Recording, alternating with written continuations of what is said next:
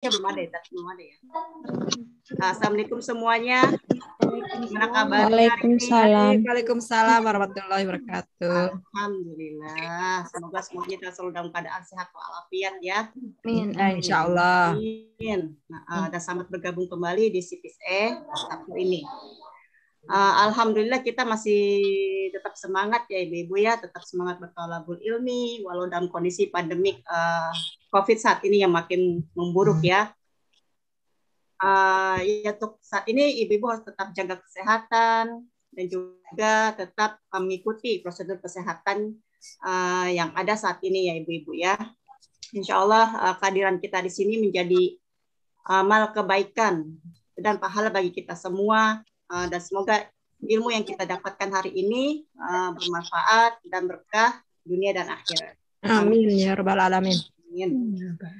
Uh, kita panjatkan puji dan syukur kepada Allah Subhanahu wa taala yang telah melimpahkan rahmat, hidayah, taufik dan inayahnya kepada kita semua.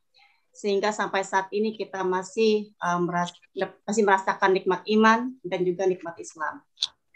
Salawat serta salam uh, tidak lupa kita panjat, uh, kita sampaikan kepada Rasulullah SAW, Nabi Muhammad SAW beserta keluarganya, para sahabatnya, tabiin, tabiut tabiin. Semoga kita sebagai umat Rasulullah SAW kelak mendapatkan syafaatnya di yaumil akhir nanti. Amin. Amin. Uh, insya Allah sebelum saya mulai bacakan susunan acara dan sebelum kita mulai acara kajian hari ini, mari kita ucapkan basmalah terlebih dahulu. Bismillahirrahmanirrahim.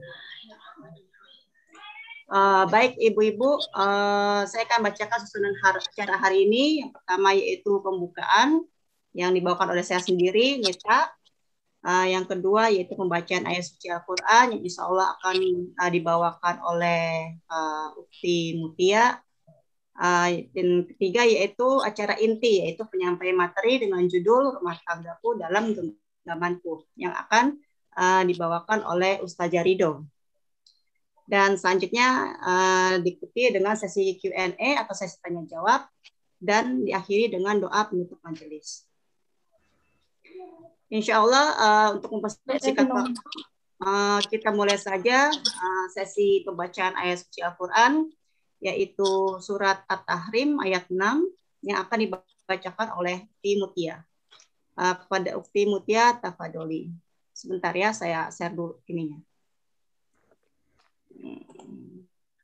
Assalamualaikum warahmatullahi wabarakatuh. Waalaikumsalam warahmatullahi wabarakatuh. Tata, tunggu sebentar ya. Kelihatan nggak?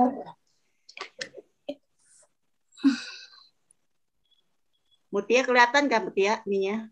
Uh, kelihatan Mbak, tapi belum nah. ah baru. Uh, uh. Itu artinya. Oh ya, betul sebentar sebentar sebentar. Uh -uh.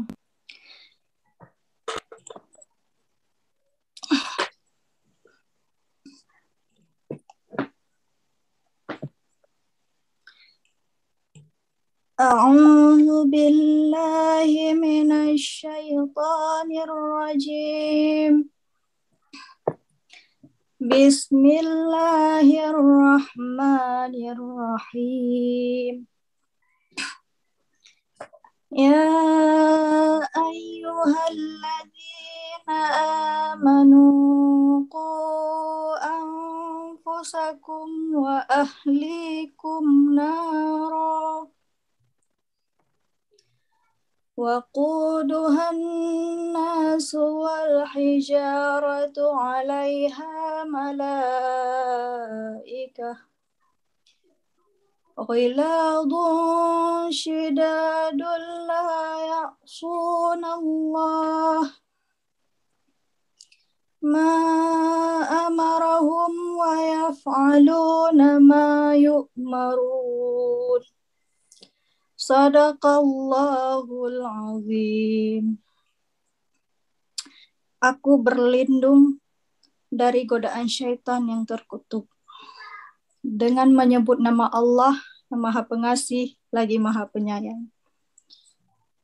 Wahai orang-orang yang beriman, peliharalah dirimu dan keluargamu dari api neraka, yang bahan bakarnya adalah manusia dan batu. Penjaganya malaikat-malaikat yang kasar dan keras, yang tidak durhaka kepada Allah terhadap apa yang Dia perintahkan kepada mereka, dan selalu mereka mengerjakan apa yang diperintahkan Allah. Sadaqallahul azim. Maha benar Allah dengan segala firman-Nya. Assalamualaikum warahmatullahi wabarakatuh. Waalaikumsalam warahmatullahi wabarakatuh. Alhamdulillah uh, Rabbil Alamin. Jazakillah khair kepada Ukti Mutia. Uh, semoga Allah melimpahkan pahala bagi yang membacakannya maupun bagi yang mendengarkannya. Selanjutnya kita memasuki acara inti yaitu penyampaian materi dengan judul Rumah Tanggaku dalam Genggamanku. Uh, seperti yang kita ketahui ya ibu-ibu bahwa pernikahan adalah sunnah yang uh, diajarkan oleh Rasulullah SAW. Dengan dimulainya pernikahan ini, maka dimulailah babak baru langkah kita dalam membina rumah tangga. Uh, dalam menjalankan rumah tangga uh, tidak semudah yang dibayangkan. Setiap dari diri kita pasti menginginkan rumah tangga yang harmonis, rumah tangga yang sakinah, mawadah, dan juga uh, rumah tangga di mana kita mampu menjalankan ketaatan kita kepada Allah Subhanahu wa taala. Uh, kita tahu bahwa kehidupan berumah tangga itu pasti akan penuh dengan lika-liku kehidupan. Segala ujian dan cobaan akan selalu ada. Dan dalam hal ini kesabaran kita pun pasti akan diuji. Jadi bagaimanakah peran kita sebagai seorang istri dan juga sebagai seorang ibu bagi anak-anak kita dalam berumah tangga? Apa yang harus kita lakukan dalam menghadapi ujian-ujian ini? Dan bagaimana caranya agar kita mampu ikhlas untuk melewatinya segala ujian ini? Insya Allah semua pertanyaan-pertanyaan ini akan dibahas lebih lanjut oleh Ustaz Jarido atau yang kita kenal juga dengan Prido uh, tempat dan waktu saya persilakan kepada Prido Tafadoli. Assalamualaikum warahmatullahi wabarakatuh. Waalaikumsalam. Waalaikumsalam warahmatullahi wabarakatuh. Bismillahirrahmanirrahim. Innal hamdalillah nahmaduhu wa nasta'in wa na'udzubillahi min sururi anfusina wa min sayyiati a'malina. May yahdihillahu fala mudhillalah wa ma yudhil fala hadiyalah. Asyhadu alla ilaha illallah wahdahu la syarikalah wa asyhadu anna muhammadan abduhu wa rasulullah nabi ibadah Allahumma sholli ala Muhammad wa ala ali Muhammad kama shallaita ala Ibrahim wa ala ali Ibrahim innaka Hamidum Majid. Rabbi shrahli sadri wa yassir li amri wahlul 'uqdatam min lisani yafqahu qawli. Rabbi zidni ilma nafi'an warjukni fahman. Ya Allah, ya Tuhan kami, dengan namamu yang yang menyembuhkan segala penyakit, dengan namamu yang mencukupkan segala permintaan, dengan namamu yang memaafkan segala dosa, dengan namamu yang tidak dapat yang tidak dapat dimudaratkan oleh sesuatu baik di bumi maupun di langit dan engkau maha mendengar dan maha mengetahui. Segala puji hanya milik Allah. Dan kami memohon pertolongan dan mohon ampunan. Kami berlindung kepada Allah dari kejahatan dan keburukan amalan kami. Di mana jiwa kami dalam genggamannya. Semoga Allah senantiasa berikan nikmat dunia ini tanpa putus. Nikmat sehat sehingga kami bisa selalu memperkaya diri dengan amalan-amalan soleh dan menuntut ilmu yang Allah ridho dan terpenting semoga Allah berikan nikmat iman kepada kami sehingga kami diwafatkan dalam iman Islam kami. Amin. Amin. Salawat dan salam tercurah kepada Nabi Allah, kekasih Allah, Rasulullah Muhammad Shallallahu Alaihi Wasallam beserta keluarganya, para sahabat juga pengikutnya hingga akhir zaman, di mana beliau diutus membawa kabar gembira, kebenaran dan peringatan sehingga risalah ini sampai kepada kita semua. Semoga dengan menjadi bagian barisan dakwah ini kita menjadi orang-orang yang dirindu beliau dan mendapatkan syafaatnya kelak di yaumil akhir. Insya Allah.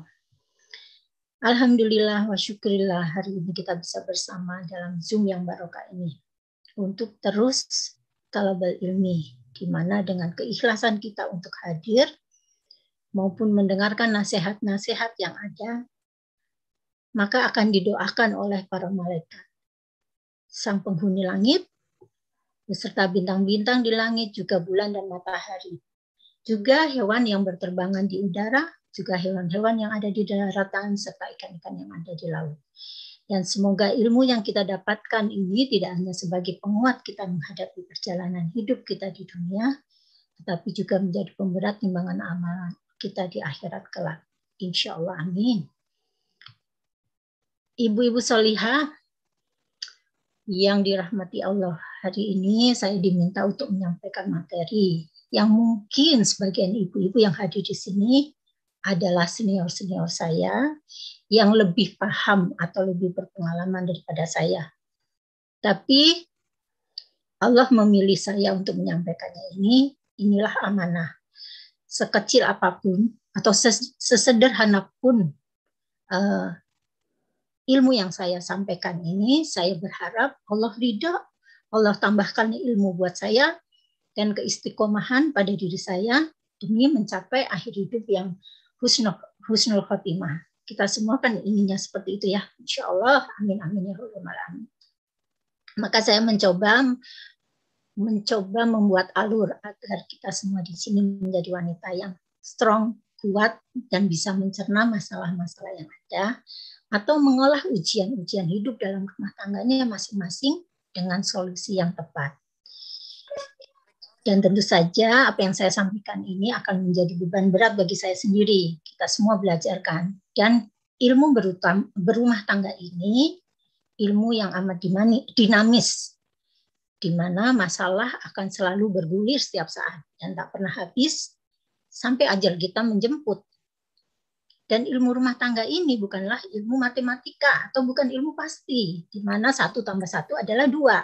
Karena dalam menjalankan rumah tangga ini, kita sendiri diminta atau diharuskan memiliki inisiatif yang tinggi, juga kreativitas serta pengetahuan yang amat luas dan berkelanjutan sehingga kita bisa memanage rumah tangga kita ini mau dibawa ke mana. Oleh sebab itu, saya mencoba merevisi dan mengawali dengan judul ini. Saya berharap bagi yang sudah pernah mendengar materi ini bisa bersabar untuk mendengarkan kembali, juga menjadi penguat dalam memanage rumah tangganya. Baik ibu-ibu yang dirahmati Allah, kenapa saya memilih judul ini? Kenapa uh, ini menjadi penting? Mari kita uh, kita kupas bersama. Sebenarnya judul ini merefleksikan kegundahan saya atau kegelisahan saya dalam mengarungi kehidupan rumah tangga saya sendiri.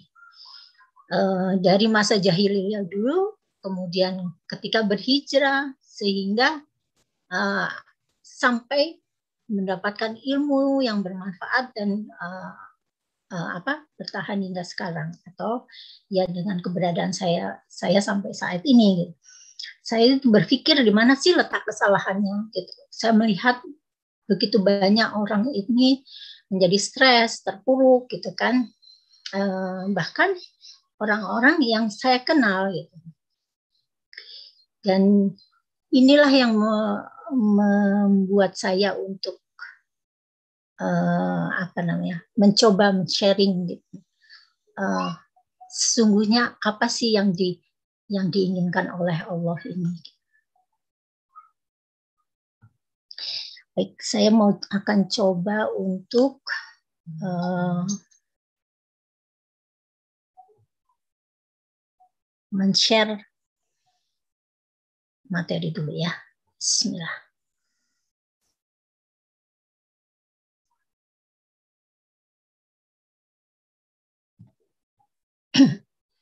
Sudah ada? Masuk ya? Ya, masuk. Terlihat. Masuk. Alhamdulillah. Ya. Pelajarannya sukses. Belajar lima menit. ya, saya memilih rumah tanggaku dalam genggamanku. Kenapa? Gimana tadi, Widi? Kok nggak bisa? Pencet itu Bu, panah, panah ke kanan. Freezing, halo. Nggak bisa ya? Coba di stop screen lagi, stop screen, Mhm. and then uh, share screen lagi sekarang.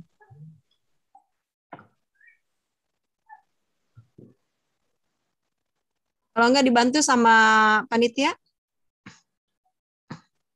Masalahnya ini Masalah anu, ini. bantu sama panitia aja. udah, Bisa? Udah, Oke, alhamdulillah. alhamdulillah. Ya, mengapa judul ini menjadi penting? Hmm,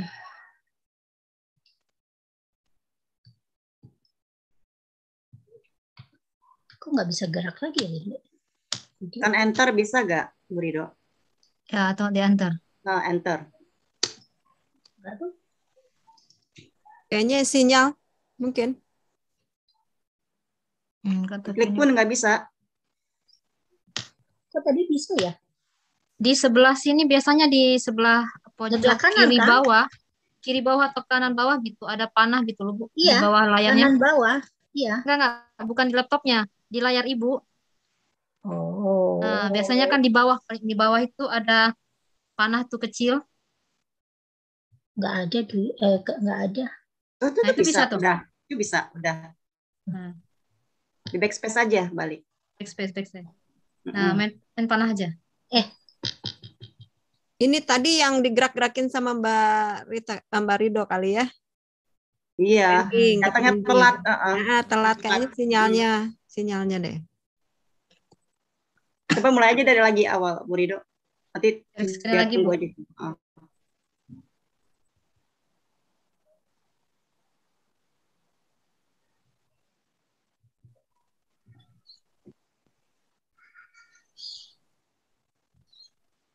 Bisakah? Ah,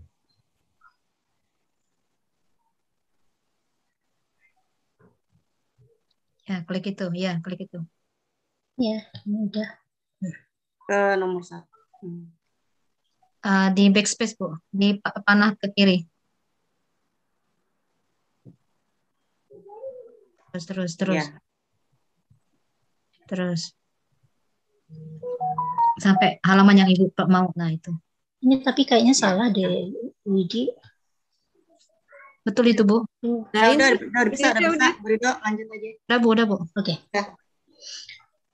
Mengapa judul ini menjadi penting? Ya, eh, enggak, ini harusnya enggak seperti ini. Oke, ya, insya Allah. Eh, sebenarnya judul ini refleksi dari eh, kegelisahan saya, kegundahan saya. Ya, eh, berpikir kenapa gitu ya eh, eh, rumah tangga ini kok sepertinya itu eh, sulit gitu dan ternyata memang ketika kita mulai belajar ini kita melihat kan berjuta pasangan memulainya ini dari dengan perasaan cinta yang membara. Tapi sebagian mereka mengakhiri dengan rasa benci, bahkan sebagian lagi mereka bertahan dalam penderitaan.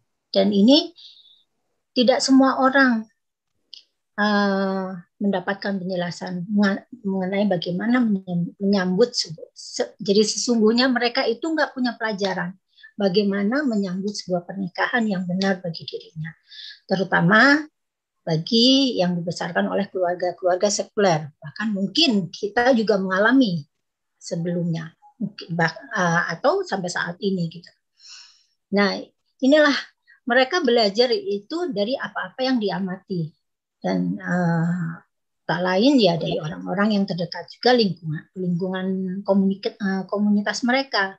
Ya seperti kakek nenek mereka ayah ibu mereka paman bibi atau tokoh masyarakat yang dikenal. Uh, saya juga mengalami ketika memasuki rumah tangga nggak ada ini pelajaran khusus gitu. Saya berpikir seandainya pada saat itu saya memiliki ilmu ini. Mungkin akan beda ceritanya akan beda uh, akhirnya gitu kan Uh, dan kesalahpahaman ini yang terjadi yang banyak terjadi saat ini. Bahkan banyak juga perempuan-perempuan yang sudah mengaji pun terpuruk dalam dilema rumah tangga. Stres berkepanjangan, mereka mencari jalan keluar berdasarkan insting dan nasihat yang diperolehnya. Setidaknya mereka itu cukup bahagia bisa menyelamatkan hidupnya atau hidup rumah tangganya di dunia ini dengan mengabaikan kebahagiaan yang hakiki. Ini, ini inilah yang terjadi saat ini. Nah, eh, harusnya kita, kita itu menyadari ini eh, apa bahwa pernikahan itu terjadi karena kesepakatan dua belah pihak kan gitu. Dan di sini biasanya kita itu eh, seperti ungkapan apa Mbak Vika kemarin, kebanyakan kita itu menjadi playing victim gitu loh, menjadi merasa diri kita itu korban, bukan menjadi pelakunya. Yang sudah-sudah itu ketika kita dihadapkan dengan ujian yang ada jadi hmm, kita merasa menderita, menjadi orang yang paling susah di dunia, merasa orang yang paling berat ujiannya. Ini ini karena mindset kita yang salah, kita menempatkan diri adalah kita ini korban gitu, bukan pelaku dari uh, perjalanan rumah tangga itu. Ini saya kutip ya ungkapan dari uh, founder uh, Bengkel Istri uh, Mbak Asri Supatniati ya.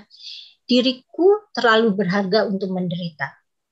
Dia membuat ini jadi uh, ini sebagai motivasi gitu loh bahwa kita tuh sebenarnya terlalu berharga untuk menderita, terpuruk sampai tidak bisa uh, atau tidak mampu untuk bangkit atau untuk menyelamatkan rumah tiga rumah tangga kita sendiri itu gitu. Nah, di sini pentingnya ilmu sebelum beramal. Saya ingat ucapannya apa uh, Ustadz Sidik Sidik Aljawi bahwa seharusnya kita itu berilmu dulu baru beramal. Tapi kebanyakan dari kita ini beramal dulu jadi ketika menikah, ya udah menikah aja. Yang penting lakukan. Yang penting lillahi ta'ala. Tapi nggak ada ilmunya gitu. Nah inilah yang yang menjadi uh, bumerang buat kita sendiri. Maka memasuki rumah tangga tidak bisa terjun bebas. Kita tidak bisa coba-coba atau main-main. Uh, maaf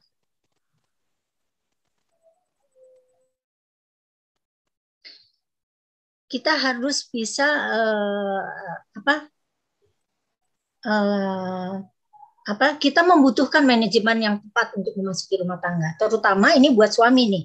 Para suami itu harusnya bisa uh, apa namanya mengajar istrinya membawa istrinya. Mereka itu sebelum itu jadi begitu mereka melakukan uh, ijab kabul pada saat itulah harusnya mereka berkonsolidasi konsolidasi atau berembuk nih. Rumah tangga yang seperti apa yang harusnya kita uh, akan jalankan? Terus apa bagaimana tanggung jawabnya? Bagaimana bagaimana haknya uh, apa hak hak suami? Apa hak hak istri? Apa kewajiban suami? Apa kewajiban istri? Ini yang harusnya kita pelajari sebelum itu. Tapi uh, pada kenyataan ini nggak ada gitu. Yang ada sih ya sudah kita berjalan kan uh, uh, berdasarkan insting aja yang ada gitu maksudnya uh, kita yakin bahwa Allah akan Allah akan apa namanya Allah akan membantu kita. Tapi kan tidak serta merta begitu gitu kita juga harus tahu nggak bisa kita mengandalkan pada Allah tapi kita nggak tahu apa-apa gitu. Jadi akhirnya kita jadi membabi buta. Jadi ini saya ibaratkan jika sebuah rumah tangga itu diibaratkan adalah perusahaan, kemudian suami istri adalah pegawainya dan pemiliknya itu adalah Allah, maka pasti Allah punya peraturan. Allah punya aturan sendiri yang uh, sebagai owner uh, apa namanya Allah ingin kita untuk mematuhi aturan-aturan yang ada dan kita sebagai pegawai pasti punya kewajiban untuk mengikuti peraturan yang ada. Dan sudah barang tentu kalau seandainya uh, apa namanya kita mengikuti peraturan itu secara tertib, mengikuti peraturan yang ada ini uh, uh, apa namanya uh, sesuai dengan apa yang digariskan, pasti pemilik pemilik perusahaan itu akan mem, akan apa namanya mempertahankan kita menjadi pegawainya. Dengan kata lain, Allah akan ridho dan ketika Allah ridho, Allah juga akan menjaga keutuhan rumah tangga kita. Ini maka saat ini waktunya buat kita itu belajar dan paham dengan cara yang benar. Bukan hanya berhasil di dunia saja, kan kita mengetahui ini saat ini banyak yang penting yang penting aman, yang penting saya dengan dengan pasangan saya eh, dipisahkan oleh maut. Itu itu yang yang yang ada selama ini. Tapi kita melupakan gitu bahwa keberhasilan sebuah rumah tangga itu ketika kita bisa membawa rumah tangga kita ini ke jannah, ke surganya Allah. Dan inilah yang mestinya kita mulai aware, kita mulai paham ini. Seharusnya kita paham, kita tahu karena kita akan punya anak-anak kita gitu kan. Kita, eh, kita akan mempunyai anak, kita akan melebarkan gitu ya. Jadi uh, rumah tangga itu kan dari sederhana dari yang berdua kemudian akan uh, bertambah dengan hadirnya anak-anak yang yang diharapkan. Nah, kemudian akan melebar menjadilah peradaban manusia gitu. Yang yang seperti uh, apa namanya? Yang Mbak Vika ya, saya ini kan Mbak Vika kemarin ucapan Mbak Vika bahwa kita ini sebagai wanita ini bertanggung jawab, bertanggung jawab atas uh, peradaban dunia ini gitu terutama dunia Islam ini gitu. Dan untuk gitu ya untuk untuk itu untuk kita uh, mengetahui untuk paham itu maka kita itu harus punya panutan. Kita harus punya uh, sosok yang kita jadikan contoh dan contoh itu bukan hanya dikabarkan di dunia saja tapi contoh itu seharusnya juga di uh, apa dikabarkan di surga. Dan kita itu sebenarnya banyak ya contoh tapi satu contoh yang paling uh, sempurna ya menurut saya gitu. Itu contohnya ya rumah tangga Rasulullah. Dan kita tidak tidak akan membahas tentang bagaimana Rasulullah memanage rumah tangganya tentu uh, beliau uh, di di apa namanya dijaga oleh Allah untuk menjaga apa membawa rumah tangganya ini hingga ke jannah. Tapi yang kita sorot adalah istri beliau yaitu Khadijah. Khadijah kita tahu bagaimana perjalanan hidup Khadijah. Khadijah itu hmm, bayangkan pada saat itu dia seorang wanita bangsawan. Dia wanita yang um, apa mulia. Dia uh, dia mem, um, uh, dia memiliki harta yang yang banyak. Bahkan dua per tiga harta uh, di kota Mekah itu adalah milik beliau. Dan ini kalau melihat itu pada saat itu uh, kesannya itu uh, apa namanya uh, Khadijah ini kan perempuan yang iya waktu apalagi beliau itu belum mengenal keimanan ya mereka beliau hanya sebagai manusia layaknya kita gitu ya. Tapi coba kita lihat bagaimana ketika beliau memasuki rumah tangganya bersama Rasulullah. Kita lihat akhir hidup uh, akhir hidup beliau. Apakah uh, terlihat bahagia? Apakah terlihat senang gitu? Mungkin kalau secara awam kita melihatnya uh, miris gitu loh bagaimana uh, kesengsaraan beliau apalagi di akhir-akhir hidupnya gitu kan uh, harta yang tadinya yang dimiliki habis habis uh, tak bersisa bahkan kemuliaannya pun sudah jadi uh, tidak ada pula gitu dihinakan oleh kaum uh, kafir Quraisy ini bagi orang-orang yang uh, awam atau orang-orang kafir menurut uh, mereka mungkin kasihan sekali gitu loh uh, siapa Khadijah ini. Tapi kan beda gitu. Kita harus melihat behind the skin bahwa uh, di balik itu semua, sesungguhnya itulah kebahagiaan yang uh, diharapkan oleh Khadijah. Beliau mendapatkan segalanya. Beliau mengikhlaskan harta kekayaannya bukan sia-sia gitu loh. Di, beliau mengikhlaskan semuanya untuk uh, apa namanya visabilillah gitu loh demi jalan dakwahnya suaminya gitu kan yaitu Rasulullah. Dan kemuliaan dia bukan berarti serta merta dia dihinakan tidak. Karena justru uh, kemuliaan beliau itu semakin tinggi sehingga Allah menghadiahkan uh, surga baginya. Dan dialah yang yang dikatakan sebagai penghulu wanita di surga kelak. Inilah yang yang yang yang membedakan. Dan saya melihat ini begitu saya mengenal cerita hmm, beliau berubah nih mindset saya. Saya melihat ternyata itu harusnya saya mencontoh apa yang dia uh, beliau lakukan.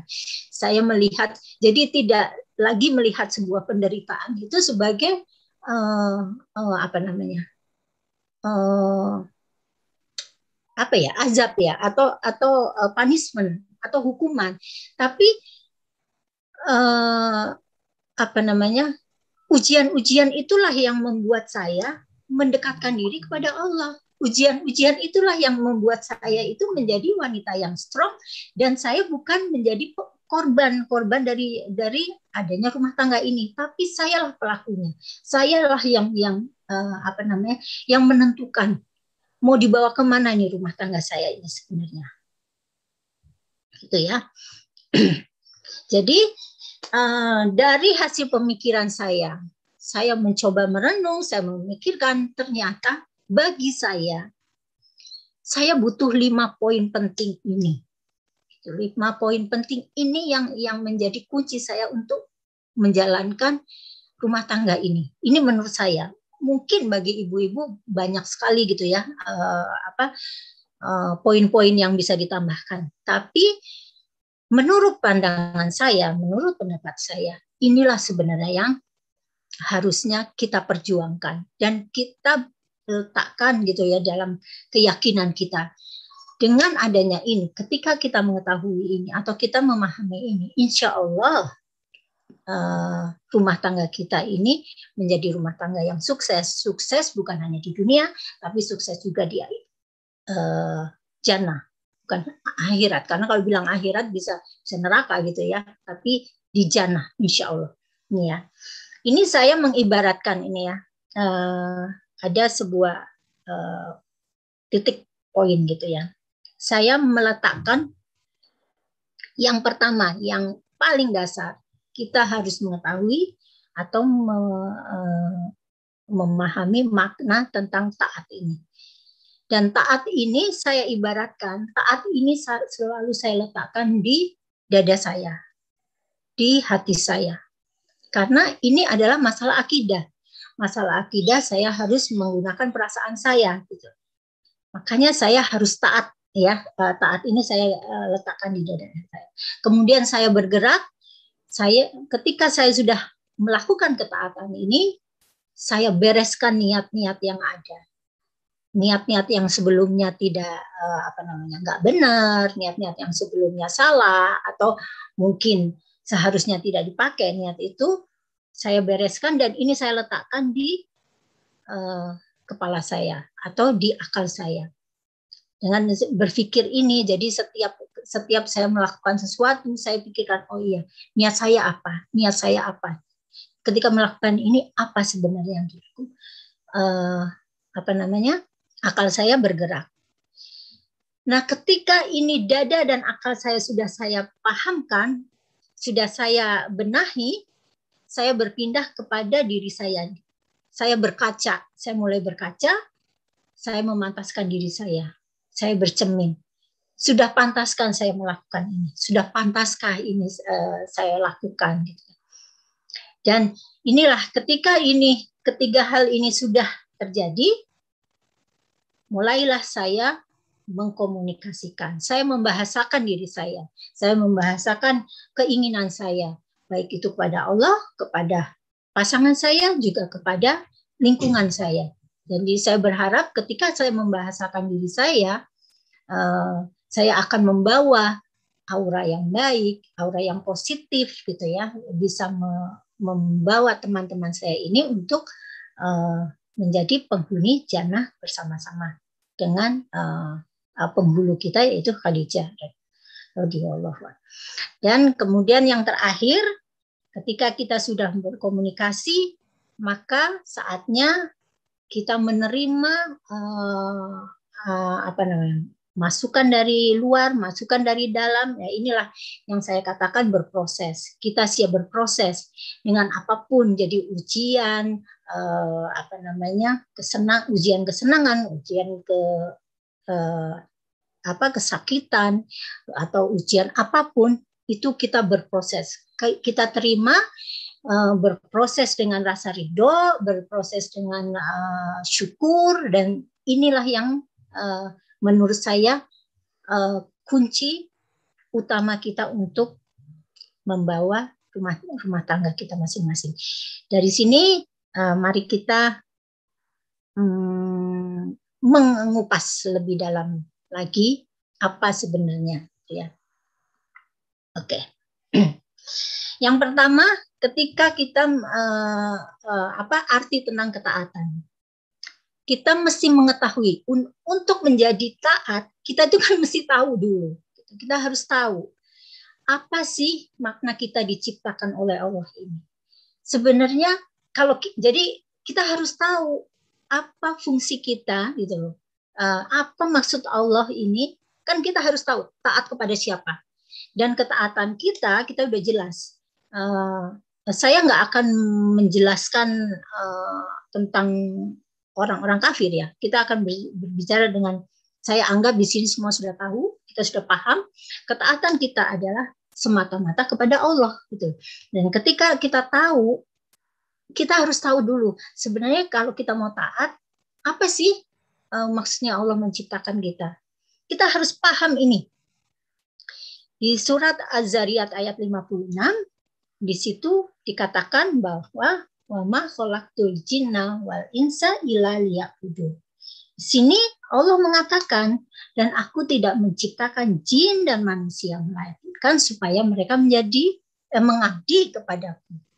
Kalau menurut eh, apa tafsir Ibnu Kasir jadi di sini sesungguhnya aku aku ini Allah ya menciptakan mereka manusia hanya supaya sebenarnya Allah itu memerintahkan mereka untuk menyembahku. Bukan karena bukan karena Allah itu butuh disembah tidak gitu.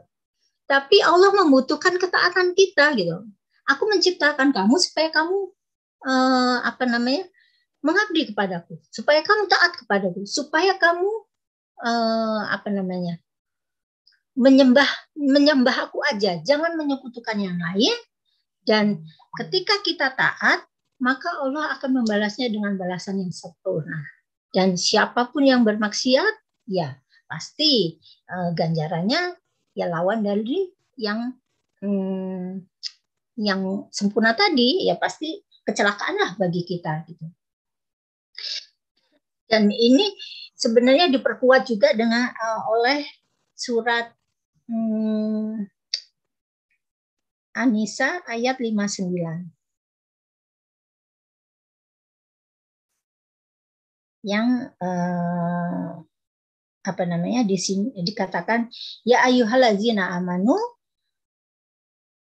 atiullaha wa atiu rasul wa ulil amri minkum fa in tanazatum fi syai'in farudduhu ilaihi wa rasuli in kuntum tu'minuna billah wa yaumil akhir zalika khairu wa absanu ta'wila Hai orang-orang yang beriman, taatilah Allah dan taatilah Rasul dan ulil amri di antara kamu. Kemudian jika kamu berlainan pendapat dengan sesuatu, maka kembalikanlah ia kepada Allah, yaitu Al-Quran dan Rasul, yaitu sunnahnya. Jika kamu benar-benar beriman kepada Allah dan hari kemudian, yang demikian itu lebih utama bagimu dan lebih baik akibatnya. dari ayat ini menyambung dengan ketaatan tadi. Jadi Allah juga memerintahkan selain taat kepadaku, taatlah kepada Rasul. Taat kepada Rasul, kemudian ada satu lagi, taatlah kepada ulil amri. Kita tidak bicara ulil amri itu yang uh, besar.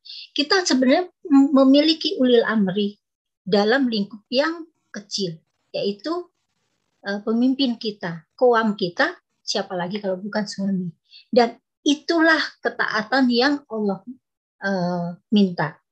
Karena uh, apa namanya tidak sempurna ketaatan seorang makhluk sebelum dia memenuhi uh, hak suaminya. Dan hak suami itu uh, kalau saya mendengar apa kata Ustadz uh, Basalam kalau nggak salah itu ada lima kalau nggak salah. Salah satunya itu uh, hak suami adalah ketaatan istrinya. Ketaatan istri yang setaatan. Jadi in, uh, maksudnya ketaatan di sini adalah ketaatan uh, dari kemaksiatan ya.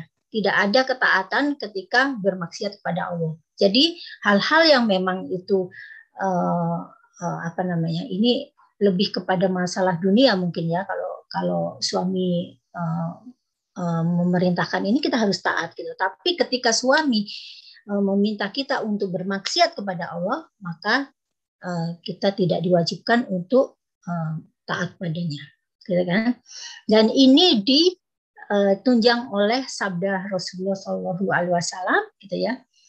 So, uh, Rasulullah bersabda seandainya aku boleh memerintah seseorang untuk sujud kepada orang lain niscaya aku perintahkan istri untuk sujud kepada suaminya.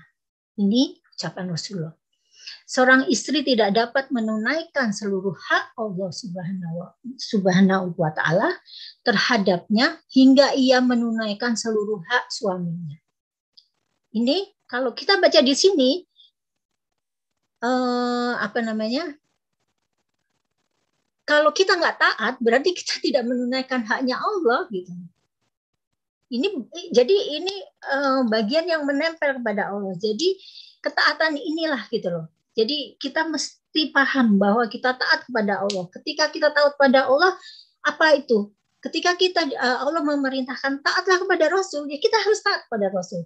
Dan ketika uh, apa namanya Allah memerintahkan kepada kita taat kepada suami, ya kita harus taat gitu. Dan ini uh, ya sampai-sampai jika suaminya meminta dirinya mengajak jimat dalam keadaan dirinya berada di atas pelana atau yang dipasang di atas unta, dia harus memberikannya, tidak boleh menolak. Ini salah satu bentuk ketaatan ya di uh, di uh, dari hadis riwayat Ahmad.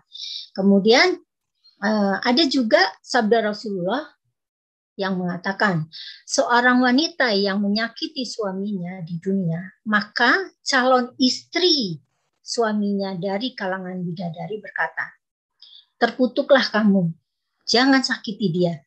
Dia bagimu hanyalah ibarat tamu yang mampir yang segera meninggalkanmu untuk kembali kepada kami.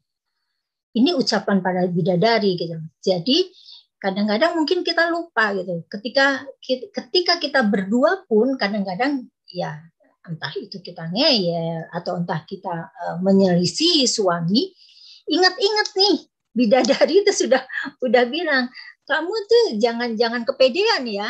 Dia itu cuma tamu buat kamu, cuma sebentar nanti dia itu akan kembali kepadaku gitu. Gitu. Uh, itu yang pertama. Dan yang kedua, kita harus membersihkan niat kita. Ya. Uh, saya mengutip uh, apa namanya uh, sabda dari uh, Allah Subhanahu wa taala dalam surat At-Tahrim ayat 6 ya Auzubillahiminasyaitonirrajim Bismillahirrahmanirrahim. Ya ala, ya ayyuhallazina amanu ku anfusakum wa ahlikum naro wa kuduha nafsu nasu wal hijaratu alaiha malaikatun hilazun shidadul la ya sunallah ma amarahum wa wa yaf'aluna ma mayu marun. Ini yang tadi uh, uh, yang sudah disampaikan oleh Ustina um, Tia ya. Gitu. Dikatakan, hai orang-orang yang beriman, peliharalah dirimu dan keluargamu dari api neraka yang bahan bakarnya adalah manusia dan batu. Penjaganya malaikat-malaikat yang kasar, keras dan tidak mendurhakai Allah terhadap apa yang diperintahkannya kepada mereka. Dan mereka selalu mengerjakan apa yang diperintahkan. Ini ini uh, warning, peringatan buat kita. Kita itu mempunyai kewajiban untuk menjaga keluarga kita dari api neraka yang bahan bakarnya dari manusia dan batu. Ketika kita paham ayat ini, maka masih ada nih kita itu berniat yang uh, apa yang yang enggak enggak gitu. Kita pasti punya uh, sebelum. Jadi sebelumnya mungkin zaman dulu ya. Saya pun jahiliyah dulu berpikir bahwa kalau saya menikah saya mau seperti ini saya mau seperti ini. Semuanya itu jauh dari kata ideal. Ideal dalam uh, dalam tanda kutip idealnya menurut Allah gitu. Dan ketika saya membaca ayat ini saya itu jadi ya Allah ternyata niat saya itu salah banget ya mungkin dulu saya uh, apa menikah itu karena saya mencintai dia. Saya lupa bahwa ketika saya menikah itu tugas saya, tugas kita semua ini bertambah gitu. Dan tugas yang utama adalah cuma satu.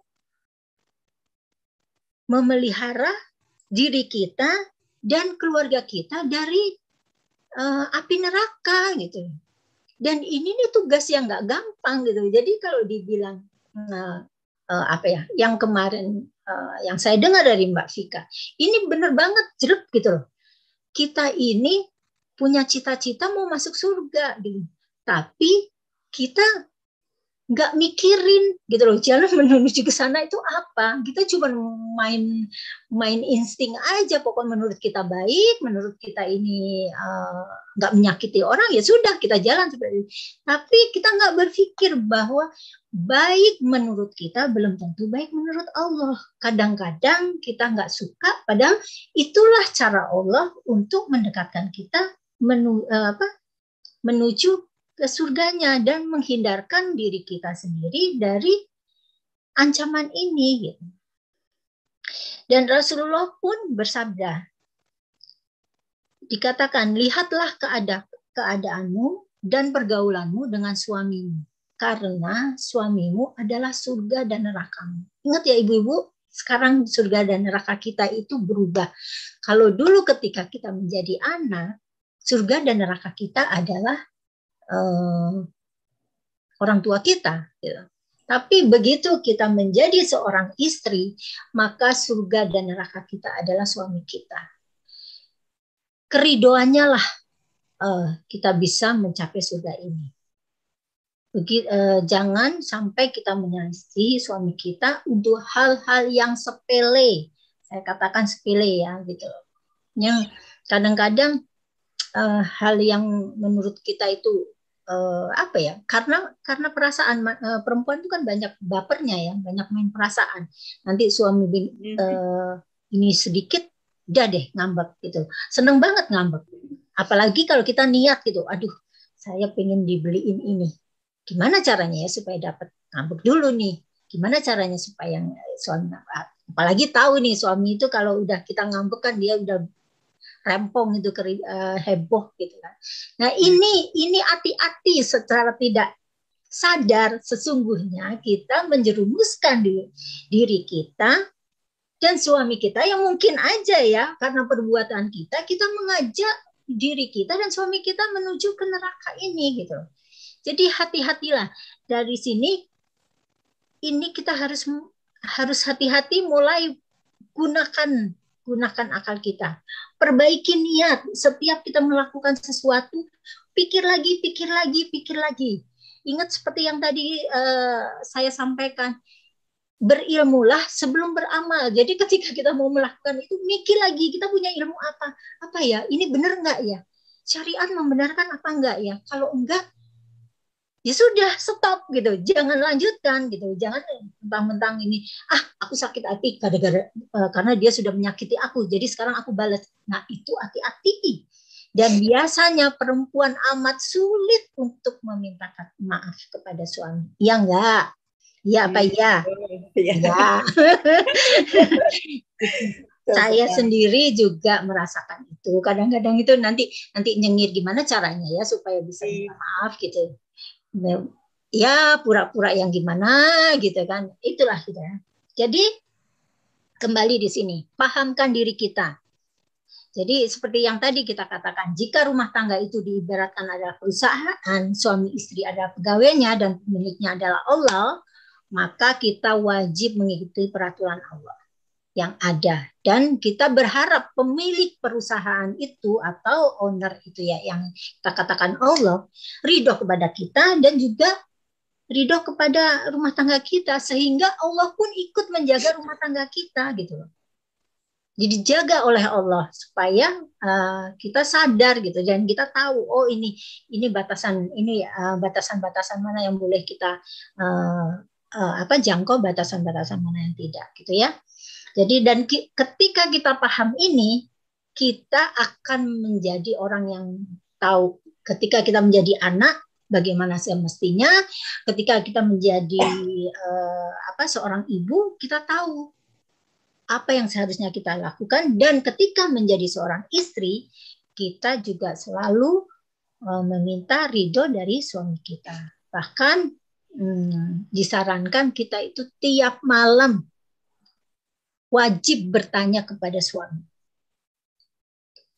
Abi, ayah, bapak, sayang, hari ini ridho enggak sama aku? Tanyakan itu. Terus kemudian eh, kalau dijawab, iya, ridhonya berapa? Jadi jangan berhenti, ridho enggak? Oh udah ridho, ya sudah selesai. Jangan, tanyakan ridhonya berapa persen? Bisa jadi Ridho, oh iya Ridho, Ridho 50%. Berarti ada 50% nih yang hari ini kita udah miss. Nah, lima, uh, ingat ingat uh, kisah uh, Sahabiah siapa Mutia ya kalau nggak salah ya, yang dia selalu menyiapkan cambuk pada suaminya setiap hmm. malam setelah dia melayani suaminya, mencuci kakinya atau memberi makanan, menghidangkan makanan di akhir di akhir malamnya dia bertanya kepada suami, dia memberikan cambuk itu. Wahai suamiku, ini cambuk. Jika engkau belum ridho, cambuklah aku. Ini sahabiah gitu. Nah kita bisa nggak kayak gitu? Nggak usah cambuk yang gede, lidi deh satu gitu. Suamiku ini lidi, kamu sudah Kayak ada dikiranya kekerasan rumah tangga, Bu. Coba di baringin kalau bilang enggak gitu tapi kembali ya, ini uh, kita harus tahu ya kita ini yang memang se sewajarnya suami kita juga paham gitu loh, bukan yang suami-suami yang uh, akhir zaman seperti sekarang gitu. Wah, enak banget dia kalau ini. Oh, enggak aku enggak ridho, cat, cut, cat, cut kan enggak lucu gitu kan. Tuh. Jadi mari sekarang kita fokuskan ya pemahaman ini. Saya uh, sudah menggiring dan saya Eh, kita harus bersepakat nih mulai hari ini. Ada dua hal gitu ya tentang ketaatan dan uh, bersihkan niat. Ini antara hati dan kepala kita ini harus matching. Uh, apa? Tumbuhkan ketaatan kita ini, tumbuhkan pemahaman kita ini, kita berbenah diri, kemudian benahi niat-niat yang salah, yang tadinya niat itu karena uh, kekayaannya yang tadinya niat itu karena kita pengen uh, apa namanya pengen aman gitu supaya nggak nggak sendiri. Nah itu bersihkan. Mulai sekarang kita punya niat satu dan cita-citanya sama semuanya membawa rumah tangga kita ke jannah. Bukan di dunia aja gitu loh. Karena sekarang ini kalau mau mau bilang yang di dunia kita punya contoh yang lagi viral siapa? Habibi dengan istrinya. Itu kan cuma sampai di dunia gitu. Bagaimana di di di akhiratnya ya wallahu alam ya. Karena menurut saya saya melihatnya begini, eh, contoh kecilnya. Saya minta maaf ini kalau seandainya kata-kata saya ini menyakiti. Tapi maksudnya gini, bagaimana dia mencintai istrinya, tapi dia membiarkan istrinya membuka aurat gitu. Kan gimana mau ketemu gitu loh. Nah, ini ini yang mestinya matching gitu. Jadi kita mulai mulai sekarang kolaborasi dengan suami kita untuk mulai uh, apa membenahi yang tadi itu. Mengatur manajemen manajemen rumah tangga kita. Mana yang salah? Ini ada kesalahan di mana? Di mana yang nggak pas?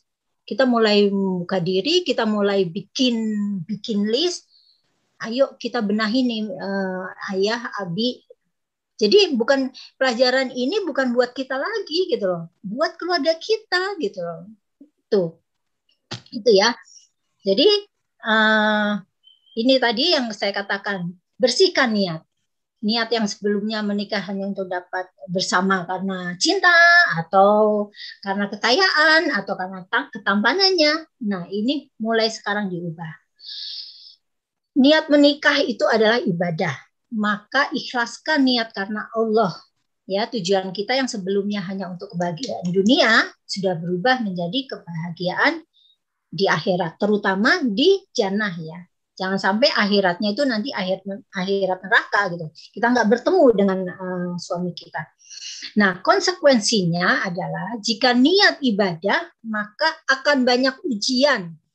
Ini pasti. Allah mengatakan itu. Jika di luar rumah itu ujiannya cuma 10 nih, ya, maka dalam rumah tangga bisa jadi ujiannya ada seribu. Ini kata Ustadz Basalamah gitu. Karena hal yang sepele atau yang receh nih bisa menjadi masalah besar. Iya kan? Masalah anduk aja yang yang berantakan. Ini sudah bisa bisa jadi pertengkaran. Atau uh, ketika suami ini nggak berkenan dengan kita, makanya uh, uh, apa namanya? Hmm, minta dibikinin kopi, ternyata kopinya nggak pas, pasti udah ngomel gitu. Nah ini ini ujian di dalam rumah tangga gitu ya. Uh, jadi ini yang kita uh, saya katakan sebelumnya apa yang dirasakan oleh Hadijah tak pernah terlihat indah oleh kita sebenarnya selain kecintaan beliau kepada rohnya. Jadi uh, Khadijah itu saking cintanya pada rohnya, dia nggak udah nggak nggak mikirin lagi penderitaannya dia. Dia nggak mikirin bagaimana hmm, ketika dia uh, diasingkan gitu. Itu kan uh, ini ini bukti ya kalau ketika saya baca bagaimana uh, akhir hidupnya Khadijah gitu kan. ini ada kisah ketika uh, Rasulullah habis uh, apa namanya habis berdakwah kemudian seperti biasa Rasulullah ini mendapat cacian uh, bahkan fitnah dari orang-orang uh, Quraisy gitu ya. kemudian Rasulullah pulang ke rumah dia melihat Khadijah sedang menyusui uh, Fatimah. Pada saat itu Khadijah itu sudah ingin menyambut Rasulullah di depan pintu, tapi Rasulullah bilang tetap di tempatmu Khadijah. Kemudian Rasulullah mengambil Fatimah, ditidurkan dan Rasulullah berbaring di di pangkuannya dan sehingga Rasulullah tertidur. Pada saat itulah uh, Khadijah itu membelai kepalanya sehingga uh, menitikkan air matanya gitu kan.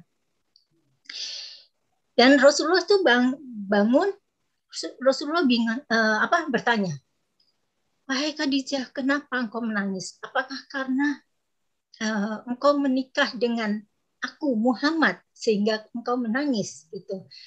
Apakah karena uh, engkau seorang yang engkau ini seorang bangsawan dan engkau seorang hartawan gitu ya ya orang yang kaya yang memiliki harta banyak uh, engkau seorang yang mulia tapi sekarang ini hartamu habis dan uh, apa namanya kemuliaanmu itu sudah menjadi dihinakan oleh orang-orang sehingga kamu menyesal menikah denganku apa jawaban Khadijah Khadijah bilang ya Rasulullah bukan aku memang dulu seorang bangsawan dan kebangsawananku ini aku berikan kepada Allah dan Rasulnya.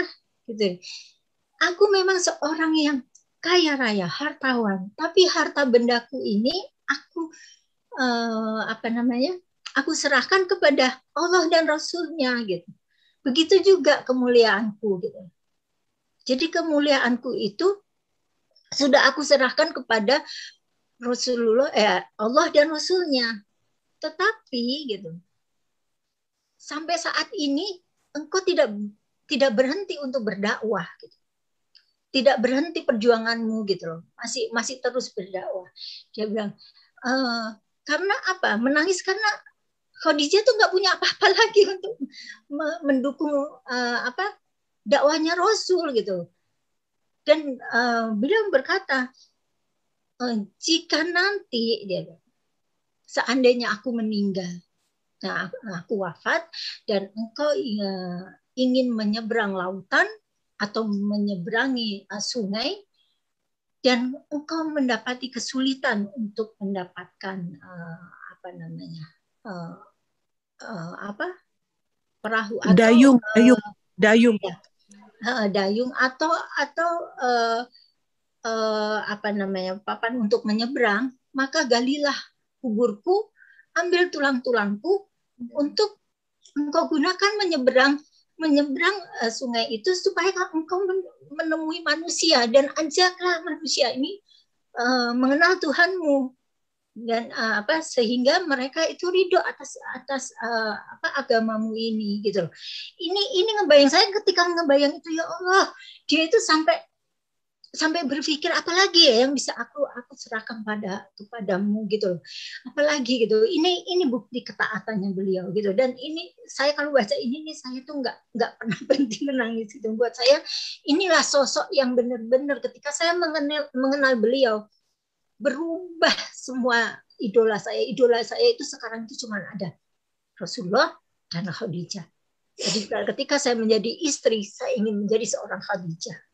Ketika um, saya ingin uh, apa memiliki seorang suami, saya ingin uh, orang yang seperti Rasulullah yang paling tidak mengikuti uh, apa apa yang yang yang uh, Rasulullah sudah rintiskan. Maka uh, Rasulullah sendiri sebenarnya sudah memberikan contoh karakter wanita-wanita ahli surga nih ya dari istri-istri beliau. Ini menurut Ustadz Hadi Hidayat. Istri Rasulullah itu banyak dan karakternya itu mewakili menurut beliau ya, mewakili semua karakter wanita di dunia ini. Jadi sekarang pantaskan diri kita bercermin, bercerminlah diri eh, kita ini seperti apa kita maunya menjadi perempuan yang seperti apa. Bukan wanita yang biasa-biasa kan, wanita ahli surga.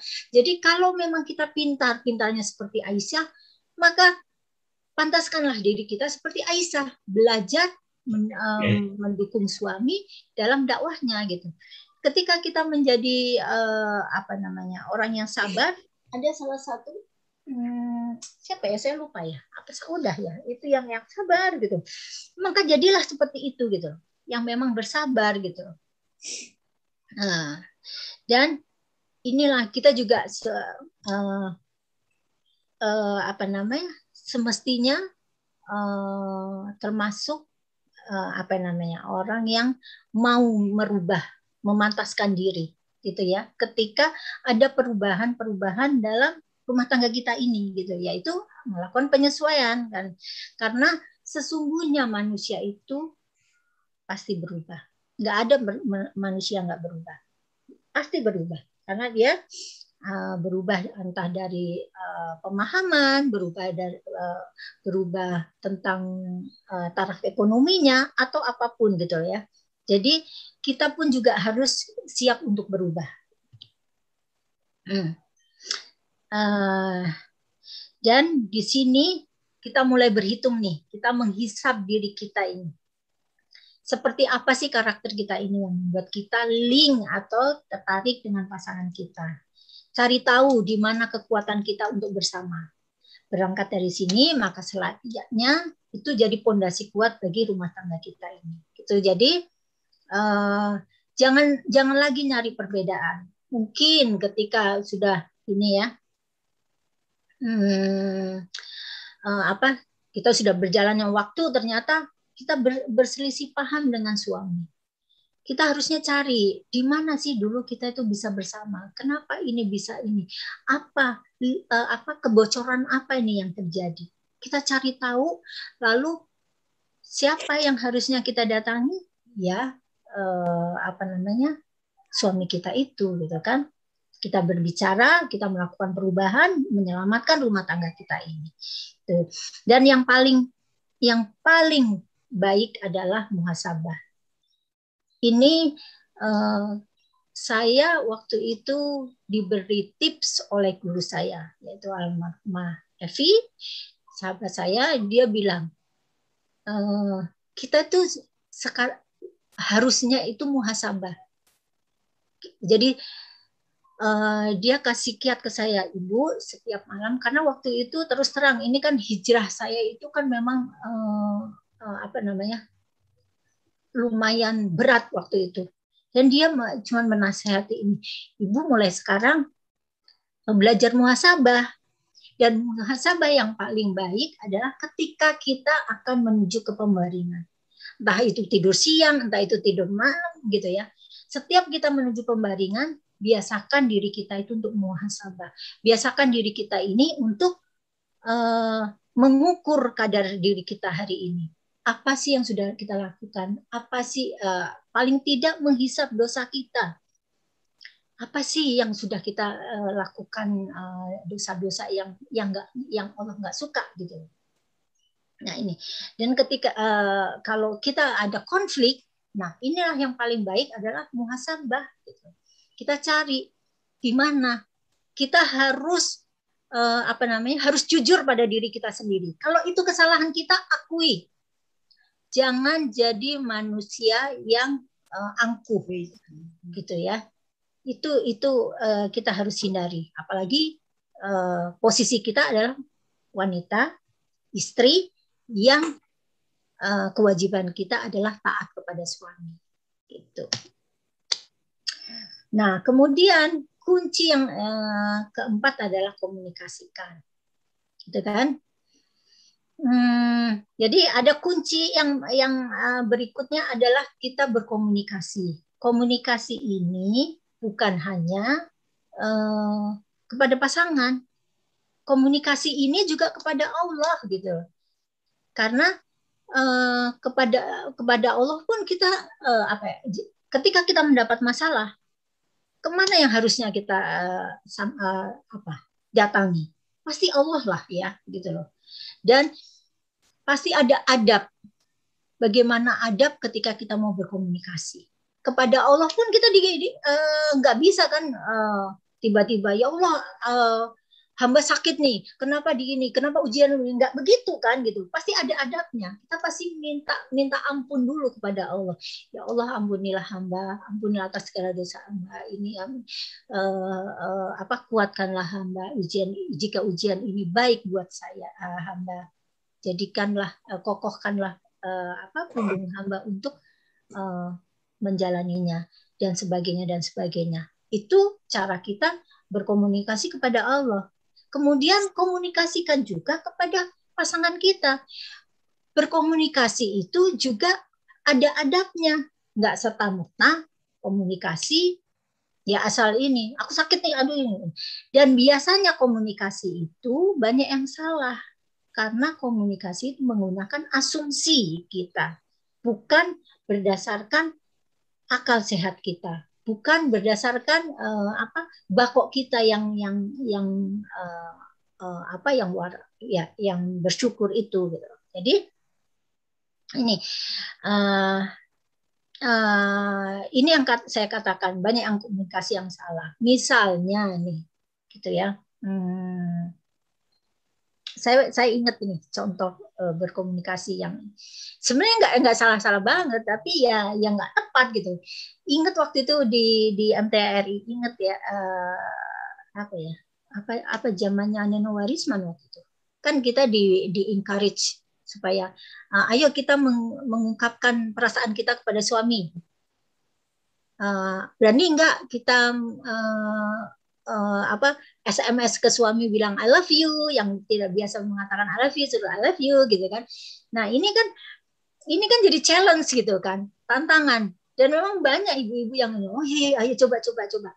Begitu itu dilakukan suaminya semua pada bingung eh ini istriku kesambet apa gitu ya? Karena apa? Karena emang nggak ada komunikasi Iya. gitu. Ketika kita mendapatkan ilmu semestinya ketika sampai di rumah kita bicara sama suami. Eh ternyata tadi Umi dapat ilmu begini. Untuk mengharmoniskan rumah tangga ini ternyata kita harusnya begini loh. Kenapa kita nggak coba? Nah inilah yang dikatakan komunikasi yang benar gitu loh. Jadi ketika suami sudah mendapatkan informasi suami pun juga tergerak. Oh iya juga ya, iya ya. Seharusnya kita memang saling me- eh, apa, saling memuji. Kan memujinya itu kan dulu aja ketika kita mau PDKT, ya enggak? Memujinya Iya. ketika kita mau eh, melakukan eh, hitbah, itu pujiannya itu bisa segunung, gunung apa ya? gunung yang paling tinggi, di dunia gitu. Tapi setelah itu nggak ada lagi pujian gitu inilah bentuk komunikasi yang terputus gitu loh. Jadi harusnya mulailah kita dari sini. Kita mulai ber eh, menyambung komunikasi yang terputus ini dan kalau ini dijalankan insya Allah ini akan menjadi poin besar untuk kita menuju akhirat. Saya eh, insya Allah ini nanti khusus komunikasi saya akan kalau memang diizinkan dan Allah memberikan saya waktu uh, untuk menyampaikan, mungkin kita akan uh, membahas lebih terperinci bagaimana sih komunikasi antara suami istri. Gitu juga bagaimana sih uh, me- memahami karakter suami. Insya Allah ya, nggak janji, tapi kalau ditunjuk janji. Salah ya. Kita komunikasikan nanti. Iya, komunikasi ini ada dua bentuk ya. Ada yang komunikasi satu arah, ya, ya yang ya itulah gitu loh. Ketika artinya apa? Komunis- komunikasi satu arah ketika komunis- komunikasi ini hanya eh, eh, apa namanya? Memberi. Jadi komunis eh, kita memberikan komunikasi kepada seseorang. Yang kita katakan adalah doktrin. Seperti eh, contohnya kalau kita mau ngomong ya kalau komunikasi satu arah itu apa? Ketika kita ngomelin anak gitu itu kan cuma satu arah. Kita memberi nggak mau tahu. Tapi akan menjadi dua arah ketika kita mendudukkan anak kita terus diajak bicara terus, eh, menje- menjelaskan apa ketidaksukaan kita. Nah itu komuni- komunikasi yang kedua ini yang dua arah. Itu yaitu saling memberi dan menerima. Gitu. Jadi Jangan pernah berharap akan sukses rumah tangga kita jika masalah komunikasi ini belum terselesaikan. Istilah yang tepat adalah membahasakan diri. Kalau kata Ustadz itu lupa saya. Ustadz siapa ya waktu itu ya? Kita harus membahasakan diri. Gimana suami kita ngerti kalau kita nggak pernah membahasakan diri. Begitu juga sebaliknya. Bagaimana suami ah, apa kita mengerti suami kita kalau suami kita tidak membahasakan diri. Jadi poin komunikasi ini menurut saya inilah poin yang terpenting dalam sebuah rumah tangga. Gitu. Hmm. Nah, ini eh, kadang-kadang nih komunikasi ini ya, terkadang kita sibuk berburu tips dari orang-orang yang kita anggap pakar, tapi lupa bahwa eh, eh, ada ya yang yang eh, apa kita lupa bagaimana me- menyampaikan komunikasi yang benar kepada pasangan kita seperti tadi yang sudah saya contohkan gitu. Kan dengan Allah aja kita juga punya adab gitu kan. Dan kita tahu dengan kepada siapa kita berbicara gitu kan. Nah, hmm, jadi begitu juga ke- kepada suami. Saya lupa juga ini ada komunikasi ketika komunikasi itu ke- selain kepada Allah kepada pasangan kita. Setelah kita uh, melakukan itu kita punya komunikasi kita terhadap lingkungan jadi sebagai rumah tangga yang uh, yang baik kita juga bisa berkomunikasi dengan orang-orang di sekitar kita gitu. Cara komunikasinya itu ya dengan cara yang benar ya yang seperti tadi ada adabnya ada ada keseimbangannya ya. Ini menurut saya bagaimana sih komunikasi uh, uh, apa namanya uh, kita kan memiliki sahabat kita memiliki keluarga dan di sini uh, se sebaiknya kita mempunyai komunikasi yang benar gitu kan sehingga mereka itu terbawa dengan aura, positif kita gitu kan Nah, ini ada satu saya uh, uh, cara komunikasi. Ini saya ambil gitu uh, resep nih ya biasanya. Biasanya kita ini emak-emak kan suka ini berbagi resep atau kita sedang diundang oleh teman nih makan gitu ya ternyata wah enak gitu. Mau dong resepnya resepnya gitu kan. Kita kita udah pede nih resepnya ini gini. Kita bawa pulang gitu kita masak. Kita masak ternyata ketika sudah dimasak suami kita nggak suka gitu. Anak kita juga nggak suka gitu. Kenapa? Karena kita nggak komunikasikan gitu. Ini mungkin sederhana gitu. Coba kalau kita bilang ah, abi ayah uh, uh, apa namanya sayangku atau apalah gitu ya. Saya itu tadi makan ini gini gini gini. Saya udah minta resepnya gini gini. Oh ya uh, uh, tahu-tahu suami kita nggak suka saya nggak suka itu atau saya nggak suka ikan gini gini. Jadi uh, resep itu tidak jadi istimewa gitu. Ya atau sebaliknya ketika suami uh, mengatakan kepada kita Umi Abi tadi makan rumah teman ternyata dihidangkan ini. Ih enak banget.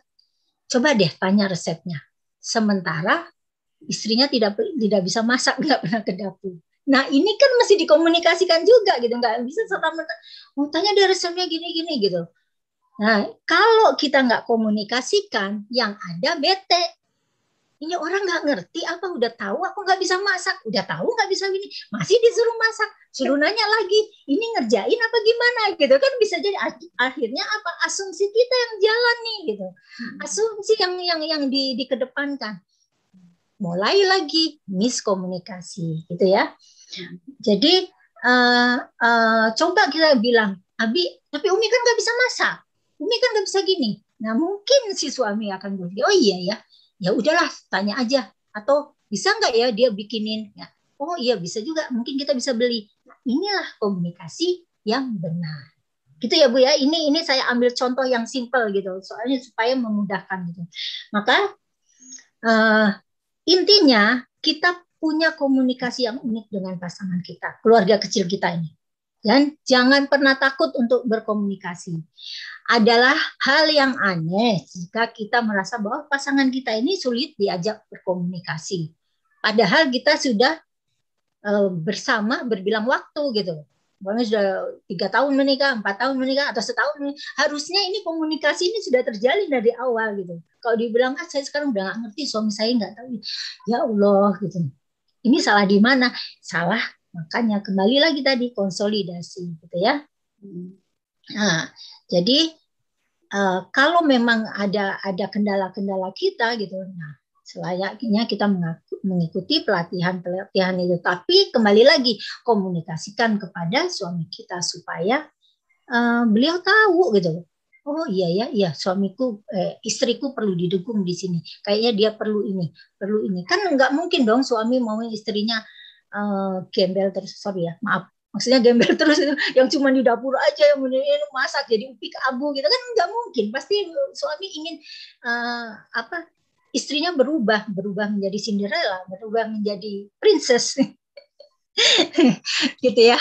Uh, jadi yang terakhir berproses. Jadi setiap keberhasilan itu selalu melalui proses. Ingat ya ibu-ibu, nggak ada tuh uh, berhasil itu uh, instan. Menjadi orang dewasa itu pasti melalui proses balita dulu, kanak-kanak, remaja, dewasa dan begitu gitu. Jadi hmm, uh, apa namanya seorang yang yang mendapat kemenangan itu mereka juga berproses gitu. Mereka berjuang, mereka berikhtiar untuk mendapatkan kemenangan itu gitu. Jadi uh, jangan merasa takut untuk melalui proses ini. Bagaimana seorang mengetahui kesuksesannya jika tidak pernah merasa gagal? Jadi itulah proses kita eh, untuk menjadi apa sukses pasti kita merasakan gagal dulu gitu. Kita nggak eh, bagaimana kita bilang wah aku sudah sukses. Apa ukurannya sukses? Karena kita pernah gagal gitu kan. Begitu juga gitu kan orang yang yang yang bangkit itu dia nggak tahu ini bangkit kalau dia nggak pernah jatuh gitu. dan dia nggak akan uh, menjadi benar ketika dia tidak melakukan kesalahan. Jadi inilah proses yang memang di, harus dilewati. Jadi sekali lagi uh, uh, apa namanya adalah wajar ketika kita melakukan kesalahan. Tapi jadi nggak wajar kalau kita terpuruk, kita menjadi uh, korban, me merubah diri kita menjadi korban, bukan untuk bangkit, bukan untuk memperbaiki diri. Jadi ketika uh, ketika kita uh, melakukan kesalahan, segera tobati, segera benahi, langsung move on, perbaiki, berproseslah yang menjadi lebih baik, bukan sebaiknya gitu. Jadi ini pilihan kita berproses itu proses yang bagaimana yang akan kita pilih. Apakah kita menjadi proses yang terpuruk atau kita berproses untuk menjadi orang yang lebih baik gitu kan? Karena uh, semua proses itu benar jika kita memiliki ilmu. Sekali lagi tadi itu ya, e, berilmu baru beramal dan memahami ilmu dan yakin bahwa Allah membersamai kita. Jadi yang e, kemudian adalah berproseslah bersama sahabat-sahabat yang amanah.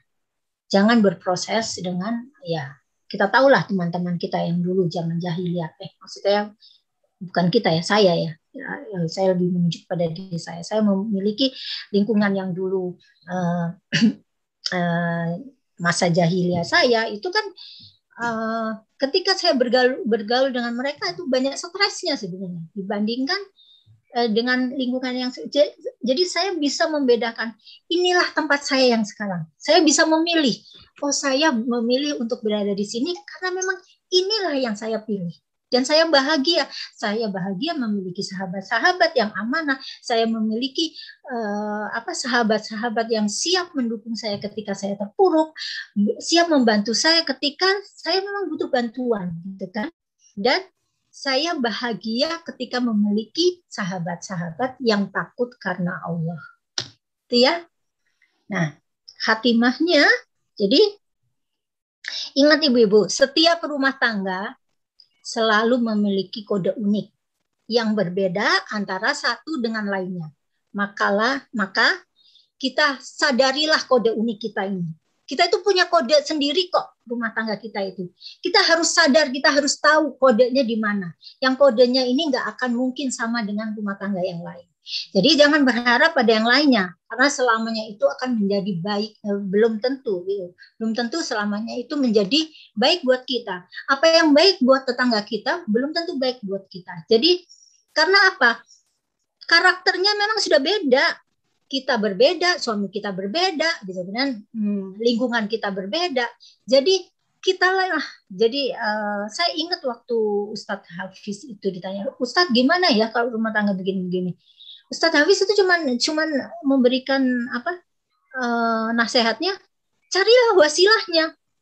Karena wasilah itu adalah milikmu gitu loh. Carilah itu. Saya nggak bisa memberi karena apa yang saya sampaikan belum tentu cocok dan itu saya pahami ya Allah iya ya benar berarti saya itu harusnya mencari uh, sesuatu untuk rumah tangga sendiri kan ini rumah tangga yang saya yang menjalani bukan orang lain Ngapain saya begini? Kalaupun saya bertanya kepada orang lain, saya saya cerna lagi.